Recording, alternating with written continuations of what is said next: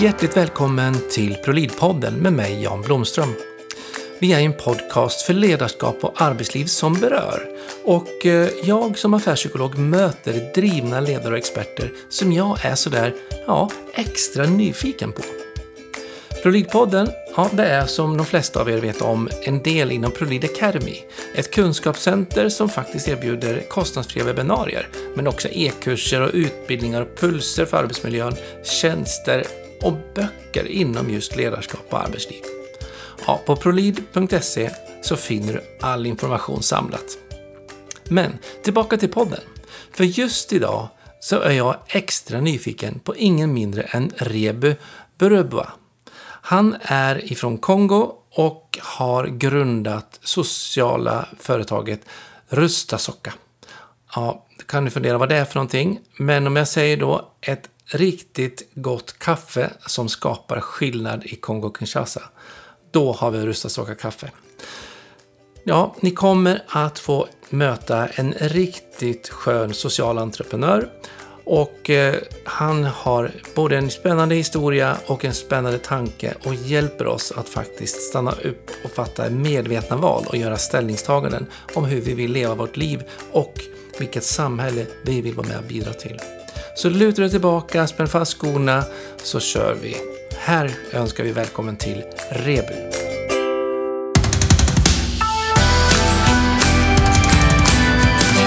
Hjärtligt välkommen till ProLid-podden säger jag till dig då, Rebu Buruba. Tack så jättemycket. Jag uttalar mig nästan, nästan rätt i alla fall, hoppas jag. Absolut. absolut. Ja. Mm. Beklagar min tillkortakommandighet med, med fina namn. Och jag ska ge mig på ett spännande namn till och det är Rustasocka. Rutasocka, ja. Ja. vi, vi försökte förträna lite grann här innan, innan vi, vi kör igång, bara så ni vet, ni som lyssnar. Mm. Eh, Rebu, jättespännande att du ville gästa podden och eh, jag känner egentligen inte till dig alls, mer än att jag såg en litet kort reportage om dig som jag tyckte, men jädrans vad spännande det verkar. Kan inte du berätta lite kort vem vi har med oss här som gäst idag? Ja, eh, tack. Eh, och eh, tack igen för att eh, för initiativet som du tog där att, eh, att jag får vara med i din podd. V väldigt intressant. Eh, ja, eh, Rebo heter jag. Eh, driver ett, eh, ett kaffeföretag i Rotasocka Eh, där vi importerar kaffe från eh, Kongo eh, till Sverige som vi rostar här i Göteborg och levererar då till, till konsumenter i Sverige där vi säljer till både till dagligvaruhandel, hotell, restaurang och arbetsplatser. Ja. Och, och jag har titel som, som vd i bolaget. Mm. Också ägare av bolaget eller? Det stämmer, precis. Ja. Är ni fler ägare också eller är du ensam? Uh, nej, vi, nu precis har vi tagit in uh, delägare så att vi, totalt är vi fem uh, delägare ja. uh, idag. och så har vi då, vi jobbar mycket med konsulter i, på olika från marknad till ekonomi. Ja. Mm. Så ni växer ganska radikalt? Ja, det har blivit det så på sista tiden. Så det har blivit Eh, en del att göra. Bolaget växer, eh, varumärke, Så att, så att då blir att eh, då kan man inte göra allting ensam utan då behöver man ta hjälp av eh, experterna där ute eh, som kan bidra med till att eh, driva eh, företaget åt det hållet som vi vill eh, att det ska drivas. Mm. Mm. Jag märker det ofta när jag är ute och träffar mina uppdragsgivare och sånt att man, eh, när man är expansivt fas i bolaget så kan det vara ganska svårt att släppa in eller släppa kontrollen till andra mm. och, och liksom inse verkligen att, att man kan inte göra allting själv. Och då bromsar det utvecklingen. Så att, eh, det är kanon att ni i alla fall aktivt har jobbat det. Och konsulter är en bra start, tänker jag i alla fall, innan man ja. drar på sig kostnader och så. Ja, och sen är ju man tar, man tar in personen som är redan van vid att liksom Eh, alltså personen kommer ju liksom att de är det här ska jag göra eh, konkret. Så de är expert i det området. Liksom. Eh, mm. Vilket innebär att de behöver bara en, en tydlig eh, kommunikation. Att det här är det jag förväntar mig, det här är det som ska göras. Och så när ska det göras, hur ska det göras? Så att det blir väldigt enkelt. Och, mm. Eh, Och då blir det också ett sätt som du var inne på där, liksom, att släppa in någon annan. Eh, så det blir alltså en bra träning innan man tar på sig personal, eh, personalansvar. För att där är inte bara så, för där är det mycket, mycket mer. Det är, det är denna typ av ansvar jämfört när man har konsult. Liksom. Mm. Ja, men så, så, är det ju. Man behöver tänka långsiktigt i det om man har in personalen själv. Med Precis. allt vad det innebär. Liksom. Mm. Plus att det kan vara lite oklart vad det är man tar in om inte man vet det. Det är lättare att uppgradera om det är så att det skulle behövas, tänker jag, om det är en konsult. Eh, men det betyder att det, ni har inte hållit på så länge. Så när startade bolaget? Vi startade bolaget 2017. Mm. Så det är typ tre, tre fyra år? Ja, tre och ett halvt år ungefär. Eh, ja. Tiden går fort. så att, ja. så att vi, så vi brukar ju räkna, alltså det första, alltså det var, det var maj 2017, så att det första halvåret, där brukar vi inte alltid, vi brukar säga att vi har varit aktiva i tre år. För, det, är ju då liksom, för det, det, är ju mycket där som görs de första månaderna. Um, men så att, och sen det var 2000, 2018, det var där då det kändes liksom att nu börjar vi bygga bolag. Så att, um, ja. Hur många var ni 2014? Eller 2018, förlåt. Uh, då var vi två. Uh, två. precis. Så att jag driver det här, jag, jag har startat det här tillsammans med min uh, fästmö, uh, Stephanie Hedén, som ja. jag driver bolaget med. så att och då har vi då liksom, eh, utvecklats då, eh, tillsammans då med eh, eh konsulterna. Mm. Och om du skulle beskriva liksom de största utmaningarna som du såg med att starta bolaget, är det typ första året där då, 2018? Hur såg, vilka var de största utmaningarna då? Ja, det är precis som alla andra brukar gå igenom. Eh, alltså det är ju... För att först var det kaffe kaffebranschen i sig, alltså själva branschen, för att jag har inte bakgrund i, i, i branschen, eller från branschen. Ja. Jag kom, jag kom från telekombranschen som jag jobbade innan eh, och så bara slängde mig i, i kaffebranschen då, där jag såg möjligheten liksom att kunna eh, göra skillnad för våra medmänniskor i Kongo. Mm. Eh, och då var det att, för att förstå först och främst kaffekulturen i Sverige. Eh, det var det som var absolut största eh, det, utmaningen. Ja. Innan det kommer liksom, de andra bitarna liksom, som marknadsundersökning, konkurrenter och allting. Men först vill jag förstå kulturen. Eh, för och vad var det tydligaste tecknet du såg då? Vad är det, vad är det som kännetecknar den svenska kaffekulturen? Och det är liksom att hur, är det för, hur vi förväntar oss hur produkten ska smaka. Eh, för att det är liksom att, som du känner själv, du är uppväxt i Borlänge, ja, är ett sätt hur kaffe ska smaka där. Och jag till Skåne, ja men de har ett annat sätt hur det ska smaka och jag till Stockholm är samma sak. Mm. Så då, då blir det liksom, okay, hur ska jag ta fram en produkt som ska tilltala, eh, alltså liksom, ja, en, en rikstäckande produkt helt enkelt. Eh, så att det innan då liksom att man bara adderar andra saker. Mm. Och eh, Kongo, som mm. du kommer ifrån, mm. Har väl också en hemskt stark kaffekultur, har jag förstått. Kan det stämma? Nej, inte direkt. Nej, Nej utan alltså Kongo är ju... Så att, alltså jag, drack, jag drack kaffe, det var 2000, 2017, eh, precis när vi startade företaget. Ja. Eh, och det var ju för att vi har druckit alltid, alltid te i Kongo. Eh, så att, och när, eh, när jag träffade jordbruksministern, eller framförallt handelskammare där i Kongo, så att det var då jag fick veta att i Kongo odlar kaffe. Okay. Eh, så att när vi bodde i Kongo så att vi, alltså, vi fick ingen, eller vi fick inte veta i, alltså i skolan att Kongo odlar kaffe. Och den frågan ställde jag faktiskt till jordbruksministern, att men, hur kommer det sig att vi, alltså, vi inte säger det här i skolan eller liksom informerar elever att i Kongo odlar kaffet, att i Kongo är fantastiskt bra jordmån och i Kongo är vårt ledande kaffeexportland på 90-talet i mm. kaffet. Det han säger liksom, ja, alltså det är ju det är politiskt styrt så att allt kaffe som odlas i Kongo exporteras direkt till uh, Belgien, uh, Antwerp. Okej. Okay. Eh, så att, så att det, det är nu man märker då liksom att Kongo börjar liksom Ja, alltså man bara pratar mer om liksom, om kaffekultur. Men te är fortfarande störst. Ja. Um, jag har en släkting som har en uh, partner som är från området där nere och um, det är min, var min stora referensram nu när jag sa min stora analys här. och det har varit jättemycket kaffeprat och hon rostar dem själv hemma i ugnen och det är liksom mm. alltid massa ritualer kring kaffet. Så det var den referensramen jag hade. Beklagar mm. min okunnighet där. Nej, ingen fara. Och, och, det kan vara så, Kongo är så stort land, så att Kongo är fem gånger större än Sverige.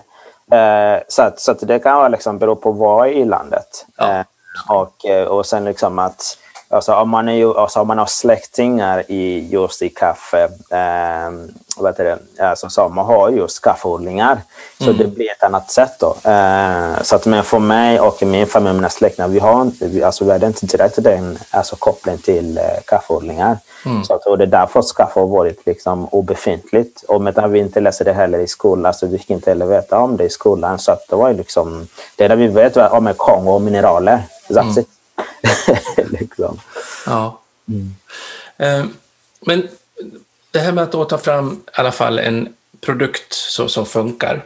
Eh, mm. Då hittade du, du läste av marknaden i alla fall här i Sverige då. Mm. Eh, hur gick processen till att liksom ta fram själva produkten då? Hur, hur jobbar du liksom med själva produktledet? Alltså tittar man på kaffet då, det är ju... Eh, kongolesiskt kaffe är fortfarande obefintligt. Alltså, när vi startade då så var ju, ja, det var obefintligt i, mm. i butikerna. Så det var ju svårt liksom att alltså, ta referenser. Om man kollar idag som importerar kaffe från Etiopien, ja, men det finns mängder med kaffe från Etiopien på marknaden. Så att jag kan gå och kopiera, alltså bara liksom och testa och, och bilda en uppfattning och sen hitta en rostningsprofil som, som kommer lite närmare, om, om inte lite bättre. Ja. Att, men nu var ju då kaffe från Kongo, och, så att det finns inte kongolesiskt kaffe på, på marknaden i Sverige. Att, eh, och då blir det liksom att okej, okay, när det inte finns kongolesiskt kaffe, då vill vi titta på rostningsprofilen som är kopplad till smak. Eh, så att, och så kongolesiskt kaffe, det är sånt kaffe också att rostar man den för mörk, eh, som man brukar kalla till, som, som Skåneros alla pratar om, ja. då, först, då förstör vi kaffet. För att okay. kaffet har ju en sån... Kongolesiskt kaffe, alltså, alltså, den, är, den är ju så fruktig, alltså liksom eh, eh, syrlig, alltså en trevlig rond syrlighet. Mm. Och då blir det så att röstar med ett sånt kaffe för mörk, då blir bittert. Alltså liksom, istället. Ja. Så att, och då blir det här utmaning då liksom att bygga upp en fin rostningsprofil. Mm. Eh, så att det ska vara mörk, men man behöver rosta det som vi kallar en, en rostningsmetod som vi kallar eh, slowroast-metoden. Så att man rostar eh, länge på låg temperatur. Ja. Så att då låter smaken utvecklas. Liksom. Mm. Så att, och det är det som tog tid i början, där, liksom, att hitta en rostningsprofil med en bönan och, och samtidigt också kunna eh, kategorisera de mörkrost, mellanrost och så vidare. Eh, som skulle tilltala också, också till en eh, bredare målgrupp. Ja. Vilken, eh, vilket projekt! Du, du sa också att, eh, att starta, att det var just kaffe. Det var, det mm. var en bra möjlighet att kunna liksom förbättra situationen i Kongo. Mm. Hur, hur, tänkte du? Vad var det som gjorde liksom att du såg den möjligheten och vad är det du, du vill göra och har gjort? Och gör? Alltså, alltså först var ju då när vi åkte tillsammans med jag, min, min fästmö Stefan, vi åkte ner till eh, Kongo 2016. Ja. Och, eh, för att man tittade på big, alltså ett projekt som vi, vi hade där då med kliniken. Eh, och, och då sa då en byggarbetare och frågade mig direkt att de skulle bygga flera kliniker. Mm. Och då sa de att vi har inga mer pengar. De pengar som jag har lagt här, det är de pengarna som, det var privata medel. Så att mm. det, det, donation eller bidrag vi har fått av någon organisation. Och då pekade han då på sina kollegor och sa att men, ser du alla som är där? Ja, de kommer bli arbetslösa efter det här projektet. Ja, men, va? Vad pratar du om? Alltså, ja, vi har blivit handplockat så att ingen av oss har haft ett arbete. För att jag var väldigt tydlig med när jag sa till, projektledare att ta, alltså, vad det, anställ dem som inte har något arbete. Mm. Eh, så att när jag nämnde det då sa jag, oj, så, att, så det är inte bara sjukvården som är drabbad utan det är arbetstillfällen i liksom, det är hela samhället och, och stora problem med, att, med försörjning. Mm. Så att då sa okay, hur, vad kan vi göra då? Ja, men då vill vi skapa eh, arbetstillfällen. Eh, och det var det när vi bestämma att börja skapa arbetsliv så bestämde vi först att vi måste ta patientavgift på, eh, på kliniken för att kliniken skulle bli ganska självgående så snart som möjligt. Men då Vilken var, var din roll när du var nere till kliniken? Vad var det för klinik ni var till? Eh, det, det var en klinik som vi byggde. Ja, okej. Okay. Så som vi hade startat där nere. Ja. Eh, så att det, det, var liksom det, vi, det, var, det var ju vårt projekt. Ja, att, alltså en sjukvårdsklinik? Ja, det är en eh, förlossnings och mödravårdsklinik. Ja, mm, bra. Och inkluderat med... Så det, är med, det är fokus på vad heter det, just förlossning och pediatrik då, ja. på, på kliniken. Så att, och då var ju då liksom att okay, hur ska vi göra då för att men, alltså, lokala befolkningen ska ha möjligheten eller möjlighet att betala för sjukvård? Ja, men de ska skapa arbetstillfällen. Mm. Så, och då fick vi då träffa Kongoles handelskammare och berättade hela min vision att jag vill ge tillbaka till Kongo. Och, och då, men jag vill skapa eh, arbetstillfällen för att jag ser att alltså liksom, samhället behöver försörja sig eh, och, och det saknas arbetstillfällen. Så att då sa man, ska du, ska du göra en stor impact så ska du investera inom jordbrukssektorn. Jag var okej. Okay. Jag bara, vad är det som odlas i Kongo? För när jag bodde i Kongo jag var fortfarande liten. Ja. Så det var ju så då att vi kom in i, eh, vad det, i kaffet. Så att, alltså för mig, så att jag hade inte för avsikt att starta ett kaffeföretag, utan det var just i mötet med jordbruksministern som jag såg möjligheten att oj, här är faktiskt möjligheterna att kunna hjälpa eh, människor som har gått igenom det jag har gått igenom genom att skapa eh, arbetstillfällen. På det sättet de blir de blir självförsörjande och, och plus med den produkt de tar fram mm. kan vi utveckla deras samhälle. Så, att Så det var mer att skapa arbetstillfällen för självständighet i Kongo än mm. att du såg en plats på marknaden i Sverige? Det stämmer, ja. Precis. Mm. Så, att, så, så kollar man då i, i Sverige då, så var det med de åren som jag hade bott här så såg jag också, för att jag kommer ihåg eh, när vi kom till Sverige, eh, de första månaderna, då sa jag till, mamma, jag sa till min mamma att ja, i Sverige, ja, man lever i Sverige precis som man läser, ja, precis som man, alltså, som man, man ser i Bibeln. Alltså liksom alltså älska dina så de älskar dig själv. Just att hjälpa andra. Alltså just liksom, svenska samhället är byggt på de här grundvärderingar kring med omtänksamhet och hela de här bitarna. Mm. Mm. Eh, och så såg jag också liksom att alla dessa reklam som gjordes, liksom att man skulle skänka pengar och allting. Eh, och där såg jag som möjlighet liksom att okej, okay, kan svenska befolkningen fortsätta för att alltså, Sverige har varit liksom involverad mycket i Kongo med liksom i olika biståndsarbete och så vidare. Så att, och då sa också där möjligheten att man kan svenska befolkningen fortsätta hjälpa Kongo och samtidigt få någonting tillbaka eh, från Kongo. Så att, och då, då, liksom att, då såg jag som möjligheten liksom att skapa arbetstillfällen där och få människor att bli självförsörjande och samtidigt göra det möjligt för en, alltså för eh, svenska befolkning att fortsätta göra gott och samtidigt få någonting tillbaka. Från... Form kaffe på köpet liksom. Precis.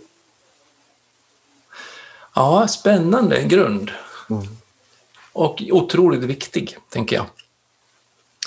Eh, du nämner det med kliniken. Mm. Hur ser ert samarbete ut med kliniken per idag? Har ni något direkt samarbete med klinikerna? Det är vår klinik, det är vi som driver den. Det är ni som driver den? Mm. Mm. Och finansierar ni också den med kaffeförsäljningen då? Det stämmer, ja. Precis. Så att de har kollat exempel som förra året där, eh, kliniker, de, eh, det var översvämningen eh, som orsakade av de här klimatförändringarna som drabbar hela världen idag. Eh, så att, och då var ju då många i samhället där som hade förlorat sina hem. Eh, så att det vi gjorde där att vi ställde upp och så att vi erbjöd fri förlossningsvård och eh, både för mammorna och för barn. Mm. Eh, och det är för att det är att när man hamnar i en kris så att det största behovet man har är just hälsa. Så att, och det är det som också som är mest alltså, kostsamt.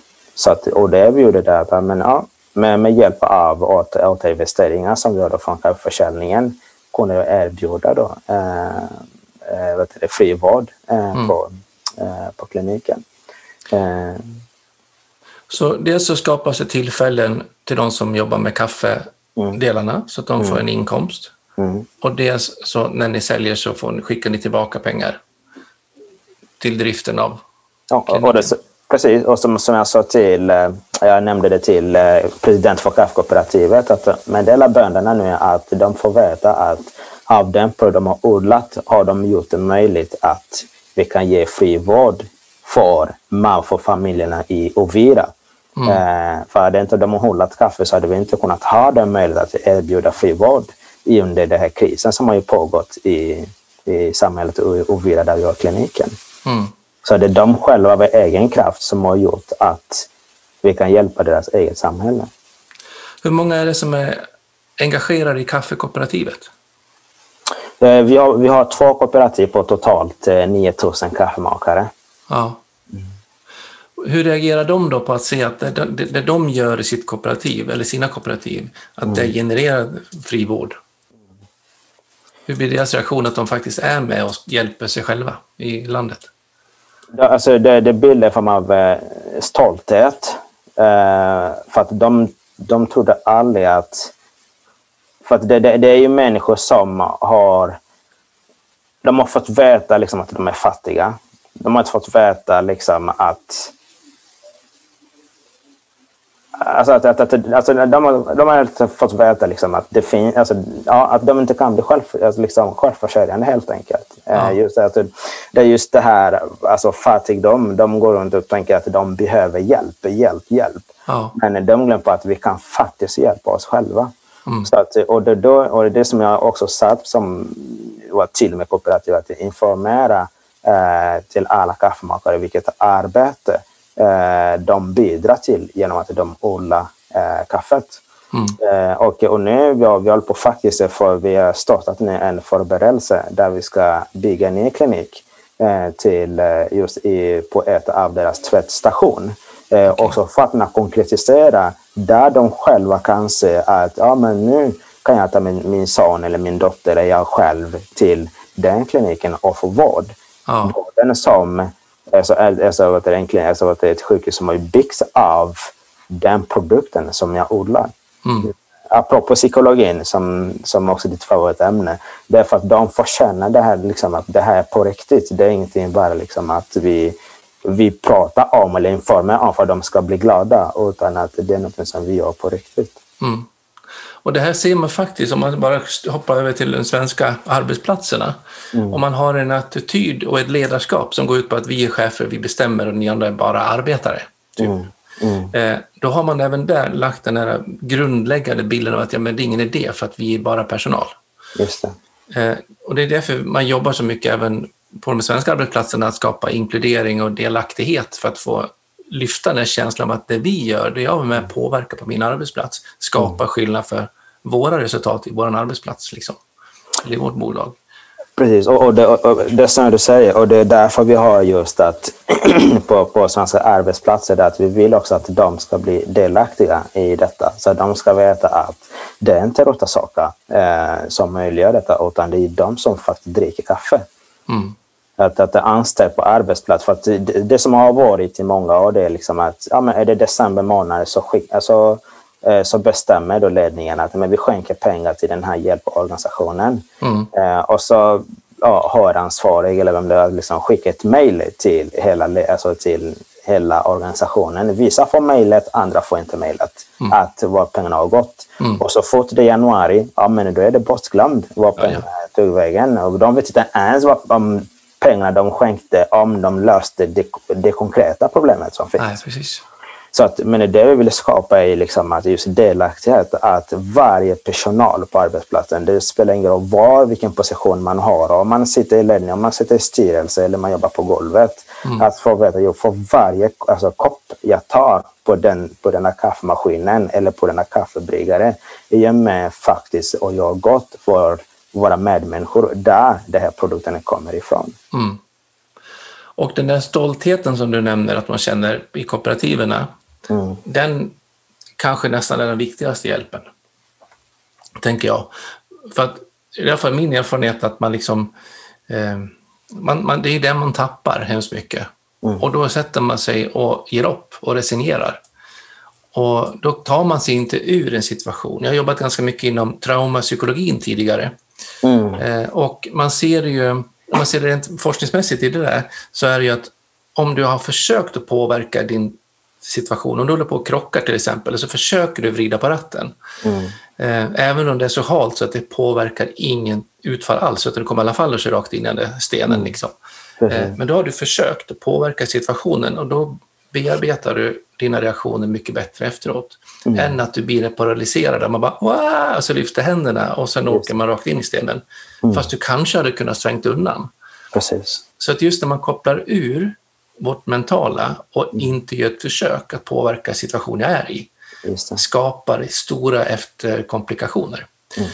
Allt ifrån en traumasituation som jag nämnde som exempel eller till en mm. livssituation där jag mm. lever i en livslång kris eller trauma eller utsatthet. Mm. Och just det är så otroligt viktigt att få in den här tron på att våga drömma, att våga se att jag kan ha en röst i den situation jag finns i och kan mm. påverka. Precis. Och, och det är just det du nämnde och det är det som var mitt, mitt budskap till dem när jag åkte dit 2017. Eh, där jag berättade om min personliga resa och jag sa liksom att ni är ju där, ni har ju familj. Ja. Jag bara, jag är här. Nu sitter ni och tänker liksom att eh, nu ska vi få hjälp. Mm. Jag kommer inte hit för att hjälpa er. Jag kommer hit för att vi ska hjälpa varandra. Mm. De bara, va? Hur menar du? Ja, men det är så här att det ni har gått igenom, det har jag gått igenom också. Jag bara, ni har ju gått igenom mineralkonflikter som har ju förstört era kaffeodlingar. Mm.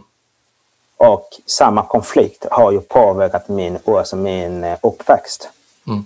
Hela min barndom så att har jag förträngt allting av den mineralkonflikten.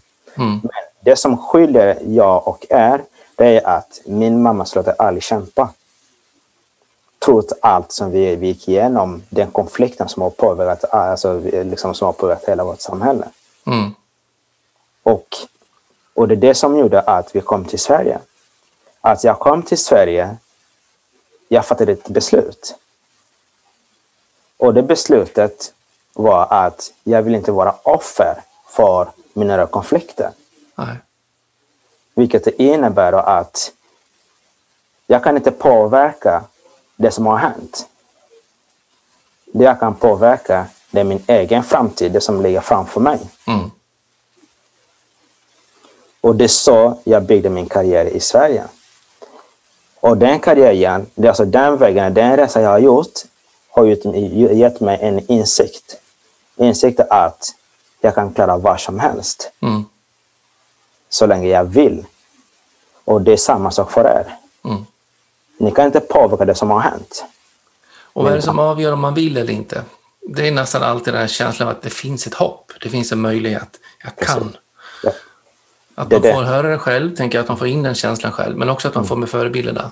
Mm. Du hade din mamma, mm. säkert fler också. Mm.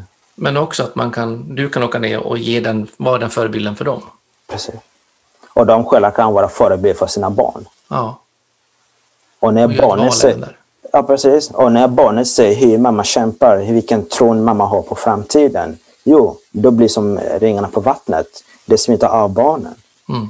Och barnen blir ska, alltså, precis som man säger, alltså barnen gör inte som vi säger, barnen gör det som vi gör. Mm. Såklart. det är så grundläggande egentligen. Och även om det kanske är oändligt mycket mer komplext Mm. Du som har flytt då ifrån konfliktsituationerna i Kongo. Mm. Men om man flyttar över till en, en mikroexempel är det ju liksom i, på arbetslivet också, vilket val man gör där, som, för er som lyssnar också. Att många har säkert stora saker med er, även där att liksom, som påverkar er, men, men även i en vardagssituation på jobbet, alltså hur man väljer att se på en förändring, hur man liksom agerar på personalmöten. Mm. Bara det gör ju också att om jag går hem och säger att idag, kära barn, har jag varit positiv till att bidra till en konstruktiv lösning på vår förändring. Mm. Eller om jag har suttit och sagt nu klagar jag på det här och jag tycker det är urdåligt och de är mm. dåliga ledarna eller vad det nu kan vara. Mm. Så det skapar ju också en tydlig förebild på vilken eh, som våra barn ska ta styrning ifrån. Absolut. Även om det är på bagatellnivån, men, men principerna, de psykologiska principerna är ändå detsamma. Otroligt viktigt att vi gör ett val och funderar på vilken vill vi vara och vilken väg vill jag ha framåt. För vi kan ju aldrig ändra på det som har varit som du säger. Mm. Men vi har all möjlighet att göra val nu och framåt. Och, och, och det är den situationen som vi, vi befinner oss i, i, i den här casen. Och jag säger inte, och jag, jag sa det till, till min sambo Stefan, att många ser det här som vi befinner oss i som en kris. Mm. Men för mig jag ser det här som en livets eh, läxa. Det vill säga det liksom att ingen som visste att det här skulle ske, men det har skett. Mm. Så att istället för att vi ska se det här som en kris så kan vi se liksom att, vad, alltså liksom att vad är det vi har lärt oss av den situationen som vi är i, som vi har varit i. Mm. Och hur kan vi förbereda oss för framtiden? Mm. För det skapar skillnad. Precis. Att sätta sig ner och klaga och gnälla och tycka synd om sig skapar mm. ingen skillnad. Nej. Det, vi kommer inte någonstans med det. Nej. Att hade, jag, hade jag suttit och, och klagat liksom Uh, Gud, vilket land jag har kommit till. Alltså det är kallt, det är snön, människorna är konstiga, men, människorna är liksom uh, tillbakadragna. Liksom sådär. Jag hade inte gjort någonting. Nej. Eller om jag hade, om jag hade klagat liksom, för svenska språk, vad svårt det är och alltså, liksom, vad svårt det språket är. Jag vill bara fortsätta prata franska eller jag vill prata engelska. Mm. Jag hade inte gjort det jag gör idag. Tonåringarna, när man frågar dem hur du har haft på skolan, de säger ju typ och till nästan allt. Mm. Eh, och lite grann är det samma sak. Ja, det är kallt, det är konstig svenska, vi är konstiga folk. Mm. Det är allt det ena och allt det andra. Ja, Mm. och. Mm. Helt ointressant egentligen, för Mm. vad, väljer man, vad väljer man att göra framåt? Mm. Och du väljer att starta ett kaffebolag som heter Rustasocka. Mm. Där Och- kan man verkligen göra skillnad. Och, och, och, det- och det var ju liksom att, och, och och det här med det här bolaget har också varit som en känslan av, apropå just liksom att någonstans visst, alltså, vi gör skillnad i Kongo, vi gör skillnad för våra kunder där, de får möjlighet att göra, att få göra skillnad på ett enkelt sätt. Eh, och eh, genom att dricka en kopp kaffe. Mm. Eh, och samtidigt är också det är också en bekräftelse på att vad man kan åstadkomma när man väl har bestämt sig. Mm. När, man, alltså när man har gjort ett val. Så att, och, det, och, och det det tror jag att vi människor behöver bli bättre på. Att göra ett val. Att bestämma oss. Hur vill jag påverka min framtid? Mm. Vem vill jag vara imorgon? Om man kollar liksom att de senaste åren så har jag varit liksom, ja, men jag, jag, jag vill, alltså jag vill, alltså liksom jag vill motbevisa alla mina gamla kollegor som, som var taskiga mot mig. Eller jag vill motbevisa alla gamla chefer som var inte snälla mot mig. Mm. Men det som hände det är att det skedde en förändring. Jag blev pappa för ett och ett halvt år sedan. Så kom jag på liksom att det, alltså det som har drivit mig har blivit fel. Mm, det jag ville bli nu är att jag vill bli en förebild för min son. På vilket sätt då? Jo, jag vill, alltså, jag- jag vill kunna visa min son att jo, det går att ändra, alltså, en ut, alltså att göra en utmaning till en drivkraft. Mm. Så att istället för att man sitter där liksom att gud, alltså man ser bara helt svart framför sig. Liksom.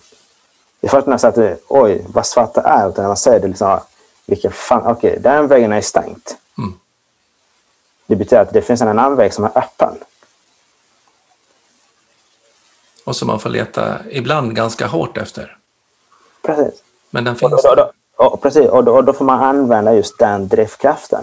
Mm. Och det är det som det jag gjorde, det är liksom att när jag bestämde mig liksom att jag vill inte vara offer för mina konflikter som har påverkat min barndom. Så då, använde jag den som en drivkraft till att klara mig varje, alltså varje hinder som jag möter på vägen. Och den där tänkte jag mig liksom att om jag klarar mina konflikter så jag- så kan jag klara mig det här också. Men det har inte varit lätt. Nej, och det kräver att man måste göra lite hemläxa med sig själv. Och jag tänker på mycket när jag träffar folk som, som verkligen drivs och är drivna. Många har drivkraften ifrån att man ska minsann göra upp med de som har mobbat mig. Jag ska minsann visa gamla släktingar. Jag ska, ja vad det nu är för det. Drivs mycket av det som har oförrätter bakåt. Trauman, upplevelser, relationer och så vidare. Eh, men där har vi en hög grad av psykisk ohälsa Mm. när man har det som bränsle till sitt, sitt, till sitt förvärv. Eh, därför att man får egentligen inte mer än en, en, reaktiv läkning säga, utav en gammal oförrätt, men det skapar inget mervärde framåt. Däremot om du kan liksom hitta ditt why som är ett friskt framåtsyftande syfte och bränsle. Så att jag vill någon annanstans. Jag vill vara bättre än de som mobbade mig på skolan eller Precis. konflikten jag var i.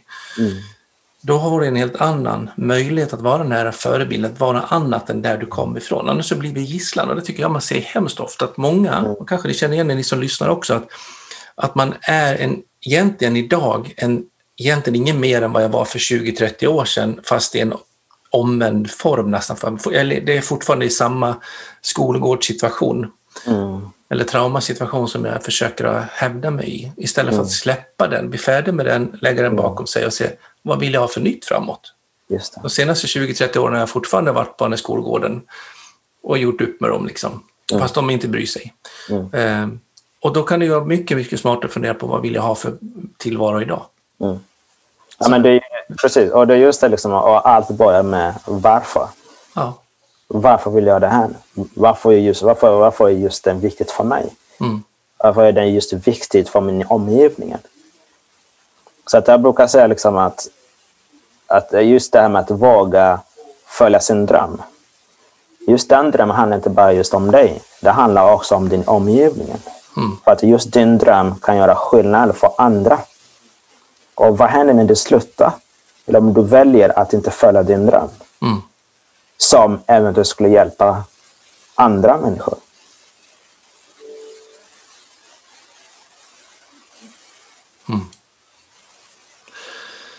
Hörru du, om man vill vara med och hjälpa till lite grann, vart får man ta på ert kaffe idag? Jag skulle säga så här. Som kund, det man ska börja först och fråga sig är inte jag vill hjälpa. Utan man ska fråga sig själv först. Vad är det för världen vill se imorgon?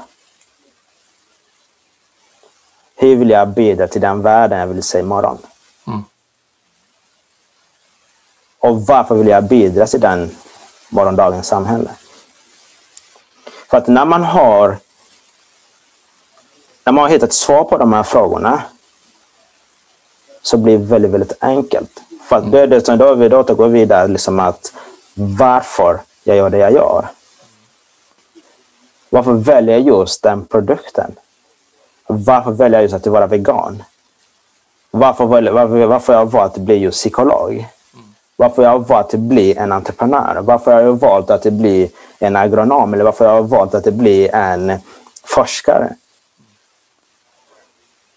För att när, de, alltså när man har de här svaren så det blir väldigt enkelt att göra saker och ting. Och det är därför som för A säger att kunderna som vi vänder oss till är kunderna som har bestämt sig till att jo, jag vill handla en produkt som bidrar till positiv utveckling. Till det som jag vill se imorgon. Mm. Det här sätter också ett extremt tydligt eh, ljus nu, för just när vi spelar in det här avsnittet, vi har vårt samtal, så är det precis dagarna efter att det har varit upploppen i Washington. Men vilken typ av samhälle vill vi faktiskt ha framöver? Och det är väl aldrig varit viktigare än vad det är i de här tiderna, tänker jag, att verkligen ta ställning och, och göra ett val på vad vi vill agera mot för håll. Precis. För, och, det, och, och, för och, det, och det är den här frågan som... Jag skulle kunna säga att man ska fråga sig jämt. Mm. Alltså, dels när man börjar resan mitt, alltså liksom, och när, när, alltså när, när man är på vägen. Det här gör jag jämt. Varje år utvärderar jag själv. Jag gör mitt eget bokslut. Hur har jag varit? Alltså, även, om jag, även om jag står till råta saker. Jag frågar mig själv. Är vi fortfarande på rätt väg? Är vi dit vi vill vara? Håller vi våra kundlöften? Jag som person, har jag förändrats? Har jag fortfarande samma drivkraft? Har jag samma, fortfarande samma viljan till att bekämpa fattigdom i Kongo? Till att göra det möjligt för eh, vad det, svenska befolkningen att göra skillnad på ett enkelt sätt genom att dricka en, alltså en god kopp kaffe. Mm. Och det är det liksom att alltså, de som lyssnar, och där, det, är det är där man ska börja någonstans. Det är liksom att man ska fråga sig själv. Vad vill jag? Mm. Vad har jag för värderingar? Om jag ska, om jag ska gå och handla, det är liksom att okay, alla produkter som jag handlar här, är de i linje med de värderingar jag står för? Mm. För någonstans måste man vara så liksom väldigt ärlig mot sig själv. För det är då så, för att när man är ärlig mot sig själv, det då bildas det som vi kallar stolthet. Mm. Och när det blir stolthet, jo, då är man också indirekt alltså beredd att berätta om det. Så kommer jag till, alltså, ska jag besöka dig? Jo, då kommer jag, vet du vad? Ja, jag har faktiskt bytt till ett fantastiskt gott kaffe. Och inte bara det, jag är faktiskt med och bidrar till en morgondagens samhälle. Där kvinnor i Kongo får trygga förlossningar. Där kaffemakare i Kongo får fortsätta göra det de älskar att göra. Och får bli självförsörjande efter att de har lidit av mineralkonflikter i decennier. Mm. Precis som att när vi köper något från en entreprenör i Sverige. För att man vill att den entreprenören ska fortsätta driva sin business, ska fortsätta driva, alltså fullfölja sin dröm. Mm. Så man så många gånger också blir uppmanad till att ta ställning till vilka, nu i coronaperioden, tänker jag, eller pandemin, mm. vilka restauranger och butiker vill jag gynna mm. för att de ska överleva restriktionerna. Mm. Och där kanske det också ligger i att man kanske tar ställning på hur man vill transportera sig till dit man ska med elbilar eller vad man nu vill göra för någonting. Precis. För då, då, då, då, då blir liksom att för då, blir, då, då kommer de här följdfrågorna. För det, det, är ju först man har fattat beslut. Det här vill jag göra. Mm. Sen kommer man hur ska jag göra detta? Mm. Ja, spännande. Jättespännande att få höra din resa. Mm. Eh, vad är de närmaste projekten i er bolag? Vilka är de närmaste stegen ni tar? Ja, frågar man vill nämna dem. Nej, alltså, det, det sker väldigt mycket just nu. Så att vi, vi ska lansera nu i, in i butikskedjan. Eh, vi levererar idag eh, kaffe till Lidl, alltså alla Lidl-butiker i hela Sverige. Eh, och så vi har eh, olika återförsäljare eh, som, som vi jobbar med. Eh, så att det som vi kommer att göra nu är att fortsätta utveckla Eh, man ska ta hand om befintliga kunder också. Ja. Eh, så att eh, de projekt som vi har nu är utveckla alltså samarbetet, framförallt med kommunikation, paketeringen. Mm. Sen är det pågår projekten i, i Kongo. Så som jag avslöjat, att vi börjar förbereda oss nu med att bygga en klinik på, ja. på landsbygden. Eh, så, att, så att det händer väldigt mycket. Eh, sen har vi, vi har precis anlitat två konsulter som eh, jobbar stenhårt just nu med varumärkeskommunikation. Ja. Och just för liksom att få förtydliggöra liksom för, våra, för våra kunder och, och så även hjälpa våra kunder att i sin tur kunna kommunicera. För att det handlar inte bara om att man ska köpa kaffet, handlar också att man ska berätta och dela med sig det, liksom att varför jag köpt det här kaffet. Vilket så kommer att, ganska naturligt om man gjort det här valet. Tänker Ja. Och så, sen har vi fått att ibland det kan bli svårt för, för att vi har ju fortfarande det här liksom, jantelagen i Sverige. Man, man, man, får inte skryta och så vidare. Men jag tycker liksom att kan man skryta att man har köpt en Tesla eller man har köpt ett hus så kan man också skryta om att man har gjort ett bra val av inköp. Så att, och, och, det är de här bitarna som vi kommer jobba väldigt, väldigt mycket med de, eh, så att de kommande månaderna. Vad spännande. Tusen tack för att du ville gästa oss och att du delat på din berättelse. Tack lycka, själv. Lycka till framöver och eh, gå in och eh, gör ett val, gå in i dig själv och gör ett val, säger jag till alla som lyssnar. Och landar ni att ni vill vara med och bidra till en, en annan typ av tillvaro så kan ni också köpa Rusta Sockas kaffe på ett antal olika ställen och även på hemsidan som heter rotasaka.se och där kan man till och med prenumerera. Och när man prenumererar också så kan man eh, eh, följa sitt socialt engagemang. Eh, apropå det som vi var inne på, liksom, att vi vill förenkla det för våra kunder. Eh, liksom, så att de ska kunna följa det på ett konkret sätt. Eh, så att, och, och det är vi har skapat just den plattformen på vår, eh, på vår hemsida. Så att, så att, vilket innebär att nu, för att nu är det januari, man har nya mål, man har satt sina årslöften. Ja, I december så kan man logga in på sitt eh, kundkonto. Så kan man se liksom, vad det för, hur jag har gjort världen lite bättre. Okay. Och så kan de se liksom, genom de inköp de har gjort. Eh, på, jag, jag skriver på webbadressen på beskrivningen av avsnittet så att ni kan gå in där och följa länken. Så hoppas att ni får mycket roliga samarbeten tillsammans med Rusta och Rebe framöver, säger jag till alla lyssnare. Stort tack, önskar dig all lycka till och tack för idag. Tack så jättemycket. Tack själv. Om du gillar avsnittet, ge då tummen upp och följ oss så blir vi jätteglada. Och passa även på att följa oss på LinkedIn, Instagram och Facebook. Både när det gäller Prolid och mig själv Jan Blomström, ja, så lär vi ju faktiskt känna varandra ännu lite bättre. Ta hand om dig så hörs vi vid vårt nästa avsnitt.